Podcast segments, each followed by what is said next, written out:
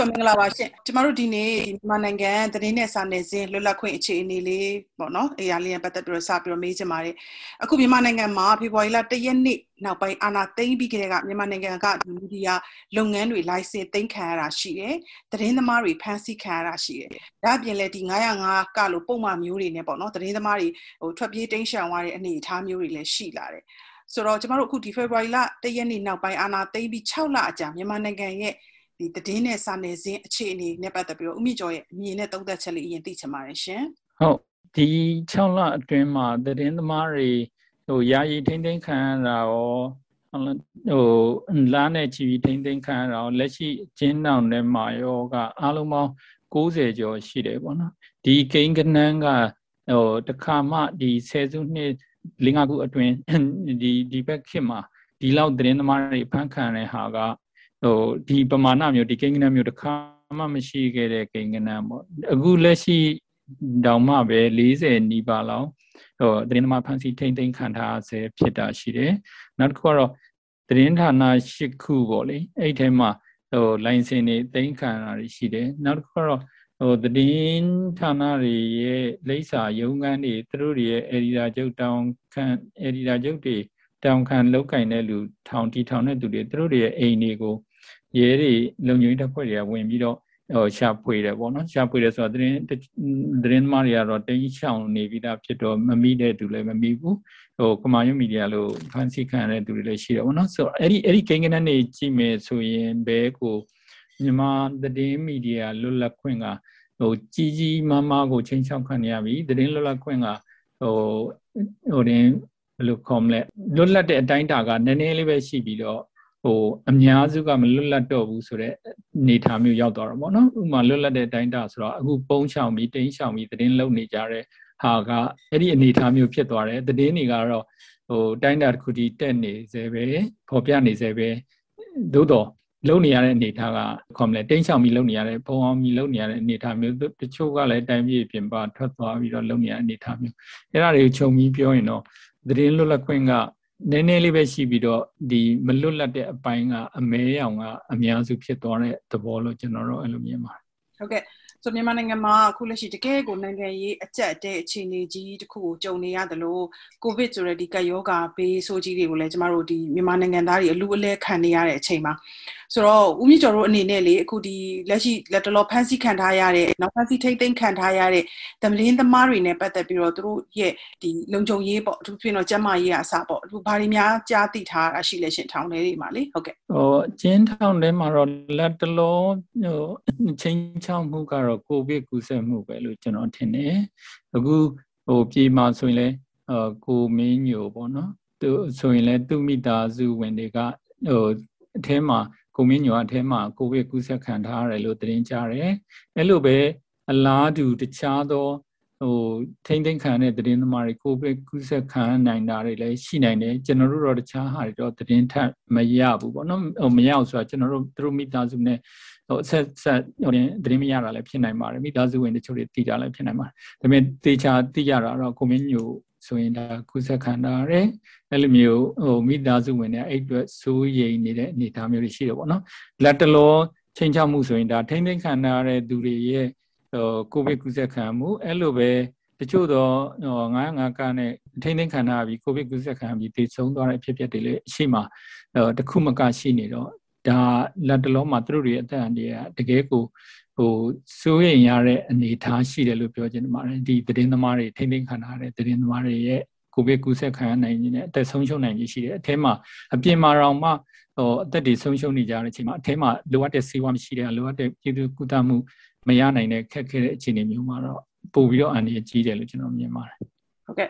ဆိုတော့ဖေဖော်ဝါရီလ၁ရက်နေ့အာနာသိမ့်ပြီးတဲ့နောက်ပိုင်းတွေကဒီအာနာသိမ့်နဲ့စစ်ကောင်စီအဖွဲ့ကနေပြီးတော့သတင်းစာရှင်းလင်းပွဲလုပ်တယ်။ဆိုတော့ဒီသတင်းစာရှင်းလင်းပွဲတွေကိုကျွန်တော်တို့ကြည့်ရတာတော့ဒီသတင်းတော်တော်များများစိတ်ဝင်စားတက်ရောက်တာမျိုးတော့မတွေ့ရဘူး။ဆိုတော့ဒီသူတို့ဘက်ကလေဟိုဦးမြင့်ကျော်တို့ဒီသတင်းမီဒီယာအဖွဲ့တွေကိုဖိတ်တာမျိုးရှိပါသလားဟိုဘလို့သွားတက်ရပါသလဲဘလို့ပုံစံနဲ့တက်ပါလဲလူရွေးပြီးတော့ဖိတ်သလားအဲ့ဒါနဲ့ပတ်သက်ပြီးတော့လည်းသိချင်ပါတယ်ရှင်ဟုတ်ကဲ့ဟုတ်ဟိုကျွန်တော်သိရသလောက်ပေါ့လေအခုနောက်ဆုံးဟို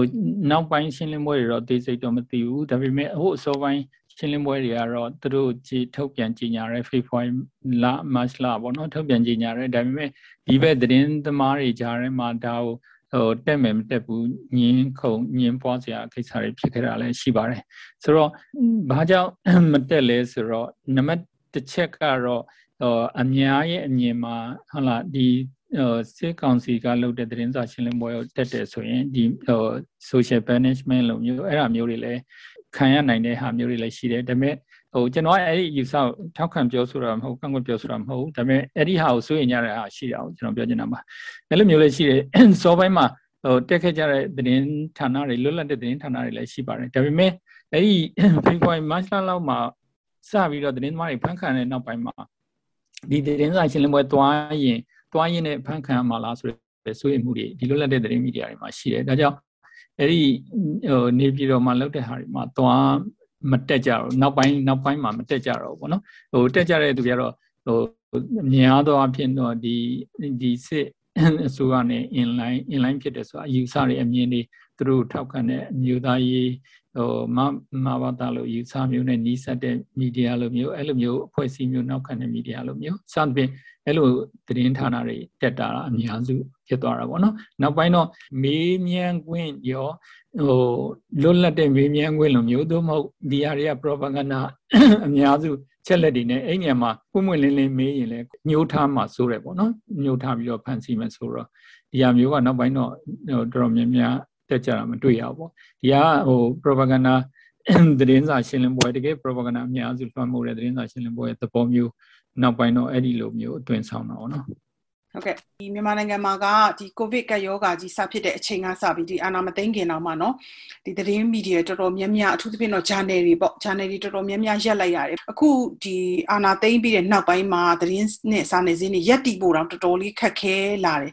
နော်ရက်တည်ဖို့တောင်တော်တော်လေးခက်ခဲတဲ့အခြေအနေမျိုးတွေဖြစ်လာပြီဆိုတော့ဥမြင့်ကျော်ဒီမြန်မာနိုင်ငံဒီသတင်းမီဒီယာအတွက်လက်တလုံးမှာဘာတွေဖြစ်တင်ပါလဲရှင်ဥမြင့်ကျော်ဘယ်လိုသုံးသပ်ပါလဲဘယ်လိုမြင်ပါလဲဟုတ်ကဲ့ဟုတ်လက်တလုံးမှာတော့ဒီသတင်းလွတ်လပ်ခွင့်ကို အာမခံဖို့ပေါ့နော်သတင်းလွတ်လပ်ခွင့်ကိုအာမခံဖို့လို့ပြောရင်နံပါတ်1ကဖန်ဆီးထားတဲ့ဒီသတင်းတောက်တွေကိုချွင်းချက်မရှိလွတ်ပေးရမှာပေါ့နော်ဒီသတင်းတောက်တွေကဟိုအကြမ်းဖက်မှုလုပ်တာလည်းမဟုတ်ဘူး ဟုတ်လားဟိုလူတတ်တာလည်းမဟုတ်သလိုဟိုရင်ဟုတ်တာမဟုတ်ဒီသတင်းဖြစ်တဲ့ဖြစ်တဲ့သတင်းကိုဓာတ်ပုံရိုက်မယ်ဟိုသတင်းဖြစ်ရေးသားတယ်တင်ပြတယ်အဲဒီဖန်ဆီးရတဲ့သူတွေကိုပထမဆုံးလွတ်ဖို့လိုတယ်နောက်တစ်ခုကတော့ဟို license ပိတ်သိမ်းခံရတဲ့ media ပေါ့နော်ရှစ်ခုရှိတယ်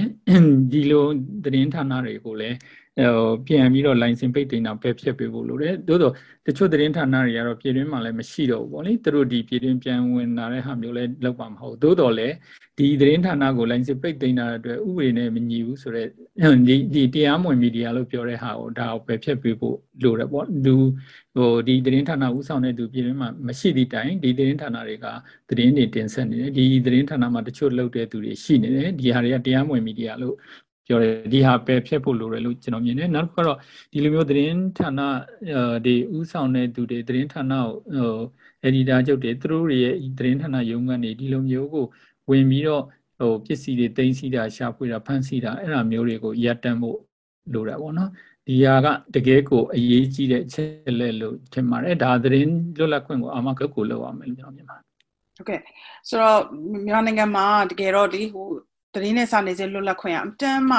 ဒီအနှိမ်ဆုံးအဆင့်မှာရှိခဲ့တယ်အဲ့ဒီနောက်ပိုင်းပေါ့နော်ဆယ်စုနှစ်ဒီပါဒီသတင်းမီဒီယာဥပဒေတွေပေါ်ပေါက်လာဖို့အတွက်အားလုံးကြိုးပမ်းခဲ့ကြတယ်ဟာလာသတင်းနဲ့မီဒီယာသတင်းနဲ့စာနယ်ဇင်းလွတ်လပ်ခွင့်အတွက်လည်းအားလုံးကမျှော်မှန်းခဲ့ကြတယ်ဆိုတော့အခြေအနေတစ်ခုအထိလည်းရောက်ခဲ့တယ်ဒါပေမဲ့ဒီ6လအတွင်းမှာတော့အားလုံးဟာတကယ့်ကိုတဲတဲရေသွန်အခြေအနေမျိုးဖြစ်သွားတယ်เนาะဘာမှလုပ်လို့မရတဲ့အပြင်ဒီစောက်ထားခဲ့တဲ့သတင်းမီဒီယာလွတ်လပ်ခွင့်ဆိုတာဘယ်နာရောက်သွားသလဲဆိုတာမသိလောက်အောင်ပဲဖြစ်သွားတယ်အဲ့တော့အခုလက်ရှိဒီပြန်ကြားရေးတွေပိုင်းလည်းသူတို့လူသစ်တွေပိုင်းပြောင်းပြီးတော့ဖွဲ့စည်းတာတွေလည်းရှိလာတယ်ဆိုတော့အဲ့ဒီပြ န်ကြားရေးနဲ့ဥမာလက်ရှိသတင်းသမားတွေနဲ့ဆက်သွယ်ဖို့ဥမာချိတ်ဆက်ဖို့သူတို့နဲ့အလုပ်လုပ်ဖို့အဲ့ဒီလိုမျိုးပေါ့ဟိုတွေ့ဆုံဖို့ဆွေးနွေးဖို့ဆိုပြီးတော့ဟိုဒီသတင်းမီဒီယာဥဆောင်လှုပ်ရှားနေကြတဲ့သူတွေကိုဆက်သွယ်တာမျိုးဒါမျိုးရောရှိပါလားဦးမြင့်ကျော်တို့ဘယ်လိုသိထားပါလဲရှင်ဟုတ်ကဲ့ဟုတ်ဟိုကျွန်တော်သိထားတဲ့လောက်တော့အခုဟာကတကယ်ကိုအဝေးဖြစ်သွားတာပေါ့နော်ဟိုဂျားမာဒီကောင်စီရှိတယ်သတင်းမီဒီယာကောင်စီသို့တော့ကောင်စီကို၌က ဟိုလွတ်လပ်တဲ့အဖွဲ့အစည်းတစ်ခုမဟုတ်တော့တဲ့အနေအထားမျိုးရောက်သွားတာပေါ့နိဆိုတော့ကောင်စီရဲ့အခန်းကဏ္ဍလည်းသူလုံနိုင်တဲ့ဟိုဖေဖော်ဝါရီလလယ်လောက်ထိကျွန်တော်တို့ဟိုလောက်ခဲ့ပြီးအဲ့ဒီအတွင်းမှာအဲ့တုန်းကသတင်းသမားတလောက်တောင်အများကြီးဖမ်းမခံသေးသို့တော်လည်းအရိုက်ခံရရှိရယာယီထိမ့်သိမ့်ခံရရှိတယ်အဲ့ဒီအဲ့ဒီကိစ္စတွေမှာဘာမှကောင်စီရဲ့ခန်းကဏ္ဍဟိုဝင်ပြီးတော့ဂျားဝင်ညှိနှိုင်းနိုင်တဲ့အနေထားပြောဆိုနိုင်တဲ့အနေထားလည်းမရှိတော့ကောင်စီကဟို နှုတ်ထွက်ကြတယ်ဆိုတော့အခုနောက်ပိုင်းမှာတော့ကောင်စီကသူတို့ဒါဘယ်လိုခေါ်မလဲယူဆတူတဲ့သူသူတို့ ਨੇ အမြင်တူတဲ့သူတွေ ਨੇ အဲ့လိုမျိုးဖွဲ့တယ်ဆိုတော့ဒီဘက်ကဟိုလွတ်လပ်တဲ့မီဒီယာတွေနဲ့ကောင်စီနဲ့လည်းအဝေးဖြစ်သွားတယ်ကောင်စီကလည်းဂျားနေဒီလိုမျိုးဝင်ရောက်ညှိနှိုင်းနိုင်တဲ့အနေထားမျိုးမီဒီယာဘက်ကဟိုယုံကြည်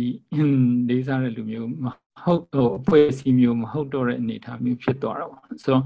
ဟိုတော်တော်တော့ ဟိုပြန်ပြီးတော့ဟုတ်လားဒီမီဒီယာဟိုဥပဒေလိုကိစ္စမျိုးတည်ဟိုရယူခွင့်လိုကိစ္စမျိုးတွေပြောဆိုဖို့ platform တွေဆက်သွယ်လမ်းကြောင်းတွေအားလုံးလောက်နီးပါးလောက်ပျောက်ဆုံးသွားတဲ့သဘောမျိုးရှိတယ်အခုကတော့ဒီဘက်မီဒီယာတွေကလည်းဒင်းကိုတကယ်ဟိုရင်ပြည့်စုံအောင်အချက်လက်ဆုံးအောင်ရှုထောင့်ဆုံးအောင်တင်ပြဖို့အများကြီးခက်ခဲရှိတယ်ဒီခါလေးမှာ source တစ်ခုနဲ့ပဲတင်ပြရတဲ့ဟာမျိုးတွေလည်း ဖြစ်လာတာပေါ့နော်ဒီအခြေအနေအောက်မှာအဲ့လိုတွေဖြစ်လာတော့ပို့ပြီးတော့ဒီဘက်ကလည်းဟိုလောက်ကန်ရခက်တယ်လို့တည်င်းကဟိုတချို့တည်င်းတွေမှာလည်းဟိုအတန်းဟိုဘယ်လိုခေါ်မလဲရှုထောင့်မစုံဘူးမပြည့်စုံဘူးဘယ်မမျှအောင်ဆိုတဲ့ဟာမျိုးတွေလည်းပြောဟိုဝေဖန်ခံနိုင်တဲ့ရှိနိုင်တယ်ဒါပေမဲ့အဲ့ဒါခြေခံတာတော့သတင်းလွတ်လပ်ခွင့်မရှိတာရဲ့တတိသတင်းဖြေချတာတော့ဒီသတင်းချက်လက်ယူခွင့်မရှိတာရဲ့သတင်းသမားသတင်းထွက်လိုက်ရင်ဖမ်းခံရမယ် အန္တရာယ်ရှိနေတာရဲ့ဒါတွေပုံမှာအခြေခံပြီးတော့ဒီအခြေအနေအနေထားမျိုးရောက်နေတယ်လို့ထင်တာပဲဆိုတော့အားလုံးထုတ်ရုပ်တဲ့ဟာကတော့နံပါတ်1ကတော့လူလူပိဋကပေါ့နော်လူလူပိဋကကဒီသတင်းနဲ့ပတ်သက်လို့တိတိကျကျအချက်လက်ပြည့်စုံစုံဟာမျိုးတွေမရနိုင်ဘူးတချို့သတင်းတွေကိုမသိနိုင်ဘူးနောက်တစ်ခုကတော့ဟိုသတင်းမှားလို့ဟာမျိုးတွေလည်းဒီလိုကာလမှာဖြန့်ချီတဲ့ဟာမျိုးတွေဖြစ်လာရင်မြန်မြန်ဆန်ဆန်နဲ့တရားမျိုးတွေခြေဖြတ်ဖို့ခက်ခဲလိမ့်မယ်အဲလိုပဲ ဟိုဘက်ပေါင်းစုံမှာပါတဲ့ဟုတ်လားဒီသတင်းနဲ့ပတ်သက်တဲ့သက်ဆိုင်တဲ့သူတွေဘက်မှာလည်းဆုံးရှုံးတာပဲသူတို့ရဲ့ပြောရေးဆိုခွင့်တွေသူတို့ရဲ့အတန်းတွေဆုံးရှုံးတာပဲနံပါတ်1ကတော့ပြည်သက်လူလူပြည်သက်အတွက်ဒီသတင်းလွတ်လပ်တဲ့သတင်းပြည့်စုံတဲ့သတင်းမှန်ကန်တဲ့သတင်းတွေရရှိဖို့အခွင့်အလမ်းတွေနေသွားတာတော့နံပါတ်1ဆုံးရှုံးမှုပဲလို့ကျွန်တော်မြင်ပါတယ် ဟုတ်ပါတယ်ဆိုတော့မြန်မာနိုင်ငံမှာဒီ6လအတွင်းမှာလေဒီသတင်းလွတ်လပ်ခွင့်ဆိုတာဘယ်ဟာလဲလို့တော့မေးရမလို့ဒီသတင်းသမားတွေရဲ့လုံခြုံရေးအစပေါ့နော်အမတန်ကိုစိုးရိမ်စရာကောင်းနေတဲ့နိုင်ငံတစ်ခုနိုင်ငံအဆင့်မှာရှိနေပါတယ်ဆိုတော့အခုဒါနောက်တစ်ခါဒီသတင်းဆိုတာကလည်းအခုကဒီ Facebook လို့နော်လူမှုကွန်ရက်စာမျက်နှာတွေပေါ်မှာပဲဟို like ဖတ်နေကြရတာပေါ့နော်တယောက်နဲ့တယောက်ဟိုဒီ covid ဆေးထိုးတာအစ covid ယောဂပြန်ပွားမှုတွေကအစတယောက်နဲ့တယောက်ဒါသတင်းပေးချိတ်ဆက်ပြီးတော့ဒါတွေကိုဒါ like ဖတ်ပြီးတော့ပြောနေကြတယ်အဲ့တော့အဲ့ဒီမှာလည်းခုနပြောတဲ့ fake news ပေါ့နော်သတင်းမှားတွေသတင်းအတုတွေအများကြီးရှိတယ်အဲ့တော့ဒီသတင်းတွေကိုမှန်မှန်ကန်ကန်လေးဖတ်နိုင်ဖို့မှန်မှန်ကန်ကန်ပေါ့နော်သတင်းအချက်အလက်ရဖို့အတွက်ဥမာဒီ Facebook စာမျက်နှာတွေမှာရောလူထုဒီဖတ်တဲ့ပြည်သက်တွေလူထုအနေနဲ့မြန်မာပြည်သူလူဘလို့တွေတတိထားတင်ပါတယ်လေဘလို့တွေကိုရှင်းကြိမ်ပြီးတော့စဉ်းစားဖို့လို့မလဲဒီဒီဟာလေဥမြင့်ကျော်ဘလို့များအကြံပေးချင်ပါလဲရှင်ဟုတ်ကဲ့ social media သုံးတဲ့အခါမှာပေါ့နော်လူထုကို ဟိုယုံကြည်ရတဲ့သတင်းဌာနတွေလွတ်လပ်တဲ့သတင်းဌာနတွေရဲ့သတင်းအချက်လက်တွေကိုဟိုအဓိကအဲ့လိုအရင်းမြစ်ဖြစ်နေရယူပါဗောနော်အဲ့ဒီဟာတွေကိုအရင်းမြစ်ဖြစ်နေရယူပါဆိုရှယ်မီဒီယာမှာကျမ်းမာရေးနဲ့ပတ်သက်တဲ့ပညာပေးမှုတွေလည်းအမျိုးမျိုးသောမူအကွဲမျိုးမျိုးတချို့လည်းအချက်လက်တွေလွဲတာအမျိုးမျိုးရှိနိုင်တယ်လို့ပဲအဲ့လိုပဲနိုင်ငံရေးနဲ့ပတ်သက်လို့ပဲဖြစ်စေတခြားသောစီးပွားရေးနဲ့ပတ်သက်လို့ပဲဖြစ်စေအဲ့လိုဟာမျိုးတွေမှာလည်းအစင်းစင်းဟုတ်လား copy and paste လုပ်တဲ့ဟာမျိုးတွေမှာအများကြီး ဟိုလွဲမှားတာတွေဖြစ်နိုင်တယ်မူရင်းဆိုစီပျောက်သွားတဲ့ဟာတွေဖြစ်နိုင်ဒါကြောင့်ဟိုတကယ်မှန်ကန်တဲ့ဆုံးဖြတ်ချက်ချဖို့မှန်ကန်တဲ့ဟိုရင်ဖြစ်ဖို့ဆိုရင်တော့ဒီလွတ်လပ်တဲ့သတင်းမီဒီယာတွေယုံကြည်စိတ်ချရတဲ့သတင်းမီဒီယာအရင်းမြစ်တွေကနေသတင်းချက်လက်ကိုရယူဖို့ကတော့လူလူဟိုပြည်သက်ကိုနံပါတ်1တိုက်တွန်းရင်းနေပေါ့နော်နောက်တစ်ခုကတော့ဌာနတစ်ခုတည်းမဟုတ်ပဲနဲ့မတူတဲ့သတင်းဌာနတွေကိုလည်းကြည်ပါတိုက်ဆိုင်စစ်ဆေးပါ အချက်လက်ချင်းတိုက်ဆိုင်စစ်ဆေးပါပေါ့နော်အဲ့ဒါလည်းအရေးကြီးတယ်လို့မြင်ပါတယ်အဲနောက်တစ်ခုကတော့တခါတလေမှာဟိုဘယ်လိုခေါ်မလဲ sensor တိုက်လုပ်ပြီးတော့အများသေးကြီးကြိုက်လိုမျိုးတွေနဲ့ခေါင်းစဉ်တွေတင်ထားတဲ့ဟာမျိုးတွေနဲ့သူများရဲ့သတင်းချက်လက်တွေကိုကူးယူပြီးတော့ပြန်ဖော်ပြတဲ့ဟာမျိုးအဲ့လိုမျိုး page မျိုးတွေအဲ့လိုမျိုးရင်းမြစ်မျိုးတွေကနေ အဲ့ဒါမျိုးတွေကို like လုပ်တာတို့ engage လုပ်တာတို့မလုပ်ပါနဲ့ပေါ့နော်အဲ့ဒါမျိုးတွေကဟိုအမှန်တကယ်တော့သူတို့တွေကသတင်းသမားသတင်းဌာနအချင်းချင်းကြားကျင့်ဝတ်လဲချိုးဖောက်တယ်သူတို့ကဒီ like တွေ engagement တွေများအောင်လုပ်ပြီးတော့ဟာမျိုးတွေဒီလို page မျိုးကိုလည်းတတိတတိပြုရှောင်ကျင်ကြဖို့တော့တိုက်တွန်းနေပါတယ်ဟုတ်ကဲ့ဒီမြန်မာနိုင်ငံရဲ့ပေါ့နော်ဒီတည်င်းနဲ့စာနယ်ဇင်းလွတ်လပ်ခွင့် အခြေအနေဟာတော့တကယ်ကိုကျမတို့ခုနပြောခဲ့သလိုအဆုံးထိတော့ရောက်သွားပြီပေါ့နော်ဒါပေမဲ့ဘလို့တွေများသတင်းသမားတွေလုံခြုံရေးအတွက်ဒီဘလို့အကူအညီတွေရဖို့လိုမလဲဥပမာဘာတွေလုပ်ဖို့လိုမလဲဥမြင့်ကျော်ဘလို့သုံးသပ်ပါလဲရှင်ဟုတ်ကဲ့ကျွန်တော်တို့ဟိုအရင်2010မတိုင်ခင်အခြေအနေနဲ့ပြန်ပြီးတော့နှိုင်းယှဉ်ကြည့်ရင်မတူတဲ့တစ်ချက်တော့တွေ့တာပေါ့နော်အဲ့ဒါဘာလဲဆိုတော့ဒီပြီးခဲ့တဲ့ ဆယ်စုနှစ်တခုနီးပါလောက်ရှစ်နှစ်9နှစ်လောက်ပေါ့လေဒီသတင်းလွတ်လပ်ခွင့်ဆိုတာရဲ့သတင်းရဲ့ဟိုသတင်းမီဒီယာရဲ့လွတ်လပ်မှု independent ဖြစ်မှုဆိုတာရဲ့နောက်တစ်ခုကတော့ professional journalism ဟောလာတကယ်ပညာတဲ့ပြီးသားတဲ့သတင်းစာပညာဆိုတာဘာဆိုတဲ့ဟာကိုအဲ့ဒါမျိုးတွေကိုလေ့လာခဲ့ကြတယ်လက်တွေ့လဲဟိုကျင့်သုံးခဲ့ကြတယ် ဟိုဒီဟာမျိုးတွေသင်ယူခဲ့ကြရတယ်အဲ့ရင်းမြစ်တချို့အဲ့ကျွမ်းကျင်မှုတချို့အဲ့ဒီလိုမျိုးလုပ်တဲ့အတွေ့အကြုံပေါ့နော်အဲ့ဒီဟာတွေဟိုဒီသတင်းသမားတွေထဲမှာကြံခဲ့တယ်ရှိနေသေးတယ်အဲ့ဒီကျွမ်းကျင်မှုနဲ့အဲ့ဒီအလေးကျင့်တွေအတွေ့အကြုံတွေကတော့2010မတိုင်ခင်ဟာနဲ့တော့မတူတဲ့အခြေအနေပေါ့ သို့တော့တစ်ဖက်မှာတော့ချင်းချောက်မှုတွေအများကြီးရှိတယ်အဲ့ဒါတွေကိုပြည့်ပြည့်ဝအသုံးချဖို့အခက်အခဲတွေတော့အများကြီးရှိတယ်သို့တော့အားတက်စရာကတော့အဲ့ဒီအနေထားလို့ကျွန်တော်မြင်ပါတယ်ပြီးခဲ့တဲ့၈နှစ်9နှစ်မှာဟိုတကယ်ကောင်းမွန်တဲ့အလေးကျင့်ကောင်းမွန်တဲ့အတွေ့အကြုံကောင်းမွန်တဲ့စံနှုန်းတွေနဲ့လုပ်ခဲ့ကြတဲ့ဟာတွေအဲ့ဒါတွေကိုသတင်းသမားတွေကဆက်ထိန်သိမ်းပြီးလုပ်နေတဲ့သတင်းသမားတွေလည်းအများကြီးရှိပါတယ်ဆိုတော့အဲ့ဒီဟာတော့အားတက်စရာသို့တော့လုတ်ပိုင်ခွင့်ဘယ်လောက်ရမလဲဟိုရှေ့မှာ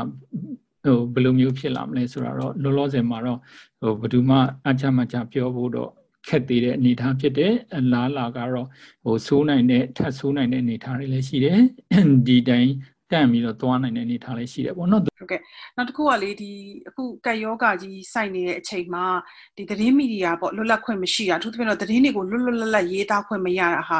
ဘလောက်ထိနစ်နာနေတယ်လို့ရောအမြင့်ကျော်သုံးသပ်မလဲရှင်ဘာလို့ဆိုတော့ဒီအခြေအနေနဲ့ပတ်သက်ပြီးတော့လေဒီကဘာကအစပေါ့နော်ဒီကဘာကုလအဖွဲ့ဝင်နိုင်ငံတွေပြီးတော့ခါကြတော့ဒီသတင်းနဲ့စာနယ်ဇင်းလွတ်လပ်ခွင့်ကြိုးပမ်းနေကြတဲ့နော်ကြိုးပမ်းမှုကိုအားပေးနေကြတဲ့သတင်းအဖွဲ့ကြီးတွေအပြင်နိုင်ငံတကာကဒီအခြေအနေကိုလည်းစိတ်ပူပါတယ်ဆိုတော့လူထုပေါ့အထူးသဖြင့်တော့သတင်းမှန်ကိုမရတဲ့လူထုဘလောက်ထိနစ်နာနေတယ်လို့ရောအမြင့်ကျော်သုံးသပ်ပါလဲရှင်ဟုတ်ကဲ့ဟုတ်ကဲ့ကျွန်တော်လည်းသတိပြုမိတာပေါ့နော်ပြီးခဲ့ဟိုဇွန်လဇူလိုင်လအခုဩဂုတ်လအထိ ဒီတလကျော်နှစ်လလောက်ကာလအတွင်းမှာတကယ်ကိုဗစ်ရဲ့ဟိုဟိုတိုက်ခိုက်မှုကိုဗစ်ရဲ့ရိုက်ခတ်မှုကအကြီးခံရတဲ့အဲ့ချိန်မှာသတင်းမီဒီယာတွေလွတ်လပ်ခွင့်မရှိတာသတင်းမီဒီယာတွေကဟိုထွက်ပြီးတော့ဟုတ်လားဟိုသတင်းကိုအတီးပြုဖို့လိုက်ဖို့အတွက်အခက်အခဲတွေအများကြီးရှိနေတဲ့ဟာကဟိုလူထုအတွက်တော်တော်လေးမှန်ကန်တဲ့ဟိုအချက်လက်တွေရဖို့ဟုတ်လားနောက်တစ်ခုကတော့ ဒီအဲ့ချိန်မှာစီမံခန့်ခွဲနေတယ်ပေါ့နော်ဒီစစ်ကောင်စီအစိုးရသူတို့အနေနဲ့လေ accountability ပေါ့အရင်တုန်းကဆိုရင်တော့ဘလူတွေစီမံခန့်ခွဲမီဒီယာကဒါတွေထောက်ပြဒါပေမဲ့ဒီချိန်မှာထောက်ပြခွင့်လည်းမရဘူးရေးသားခွင့်ကဟိုအတီးပြုဖို့အချက်လက်တွေတီးပြုဖို့မေးမြန်းဖို့စပြအဲ့လိုမျိုး accountability ဟို mechanism ကလုံးဝပြတ်သုံးနေတဲ့အနေအထားမျိုးမှာမီဒီယာကဒီခက်ပေးနဲ့ပတ်သက်လို့လူလူကိုတကယ် ဟိုဘယ်လိုခေါ်မလဲရှုထောင့်ပေါင်းစုံကနေမတင်ပြနိုင်ခဲ့တဲ့အနေအထားမျိုးတွေရှိပါတယ်တတ်နိုင်တဲ့လောက်တင်ပြရတယ်အများကြီးရှိတယ်ဒါပေမဲ့ကာကွယ်ရေးကိုဘယ်လိုလုပ်ချမယ်တို့ဘယ်လိုဟိုကူးစက်မှုတွေထပ်မပြန့်ဘယ်လိုလုပ်ချမယ်စသဖြင့်အဲ့ဒီအပိုင်းတွေမှာမီဒီယာရဲ့အခန်းကဏ္ဍကမီဒီယာကို၌ကိုကဒိန်းရှောင်နေရမီဒီယာကို၌ကိုကဟိုရှောင်တိန်နေရပုံနေရတယ်ဟုတ်လားတိုင်းပြည်ပြင်ပရောက်နေတယ်အဲ့လိုမျိုးတွေအခြေအနေနဲ့ဒီဒီအချိန်မှာမီဒီယာရဲ့အခန်းကဏ္ဍကတကယ်ရှိတဲ့လောက်လုံး တင်တဲ့လောက်မလုံနိုင်ခဲ့ဘူးဆိုတဲ့ဟာမျိုးသွားတွေ့ရတာပေါ့နော်ဒီဟာကကျွန်တော်တို့တွေဟိုတပူပေါ်နှစ်ပူဆင့်ပေါ့နော်ဒီကက်ယောဂမှာတင်ဟိုခံရတဲ့ဟာတွေမကဘူးကျွန်တော်တို့တွေသတင်းချက်လက်တွေတိကျသိဖို့နောက်တစ်ခုမှားယွင်းနေတဲ့ဟိုစီမံခန့်ခွဲမှုတွေကိုဟုတ်လားတောင်းခံဖို့အဲ့ဒီအပိုင်းတွေမှာလည်းမီဒီယာကပြောဖို့တော်တော်လေးကိုအခက်အခဲတွေအများကြီးရှိခဲ့တယ်ပြောဖို့ဟိုတင်မပြောနိုင်တဲ့အနေအထားမျိုးတွေရှိခဲ့တာပေါ့နော်ဒီဟာလည်းစိတ်မကောင်းစရာတတိပြုမိခဲ့တယ်ပါတယ်ဟုတ် ဟုတ်ကဲ့ဒါပေမဲ့လေကျမတို့ဒီထဲမှာတော့တကယ်ကိုထူးထူးခြားခြားပြောရမယ်ဆိုတာကဒီ citizen journalist ပဲပေါ့လေဒီနိုင်ငံသားသတင်းသမားတွေပေါ့နော်ကိုမှတ်တမ်းလေးနဲ့ကိုရိုက်ပြီးတော့ဟိုပုံလေးတွေတင်ကြတယ်ဟလာဆွေးနွေးကြတယ်ပြီးတဲ့ခါကျသတင်းပေးကြတယ်ဒါတွေကတော့တကယ်ကိုအမတန်ဒီဒီအများကြီးပေါ့နော်ပံ့ပိုးမှုဖြစ်တယ်လို့လည်းမြင်ပါတယ်ဆိုတော့ဦးမြင့်ကျော်အခုလိုမျိုးမြို့စမသတင်းဌာနကိုအချိန်ပေးပြီးတော့အခုလို interview ပေးတဲ့အတွက်ကျေးဇူးအများကြီးတင်ပါတယ်ရှင်ဟုတ်ကဲ့ဟုတ်ကဲ့ကျေးဇူးတင်ပါတယ်ခင်ဗျာဟုတ်ကဲ့ကျေးဇူးတင်ပါတယ်